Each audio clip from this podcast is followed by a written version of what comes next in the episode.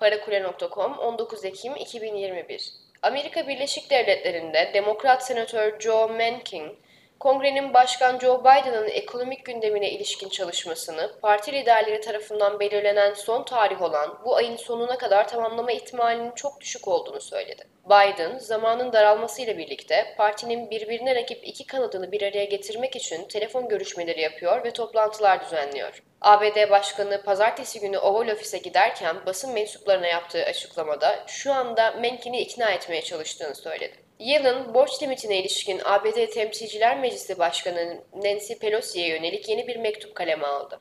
Geçen hafta yasalaşan borç limitindeki artışın hazinenin federal hükümetin operasyonlarını 3 Aralık'a kadar finanse etmeye devam edeceğine dair güvence sağladığına işaret eden Yellen, ancak kongrenin hükümetin tüm yükümlülüklerini yerine getireceğine dair daha uzun vadeli kesinlik sağlayacak şekilde borç limitini artırmak veya askıya almak için harekete geçmesinin zorunlu olduğunu vurguladı.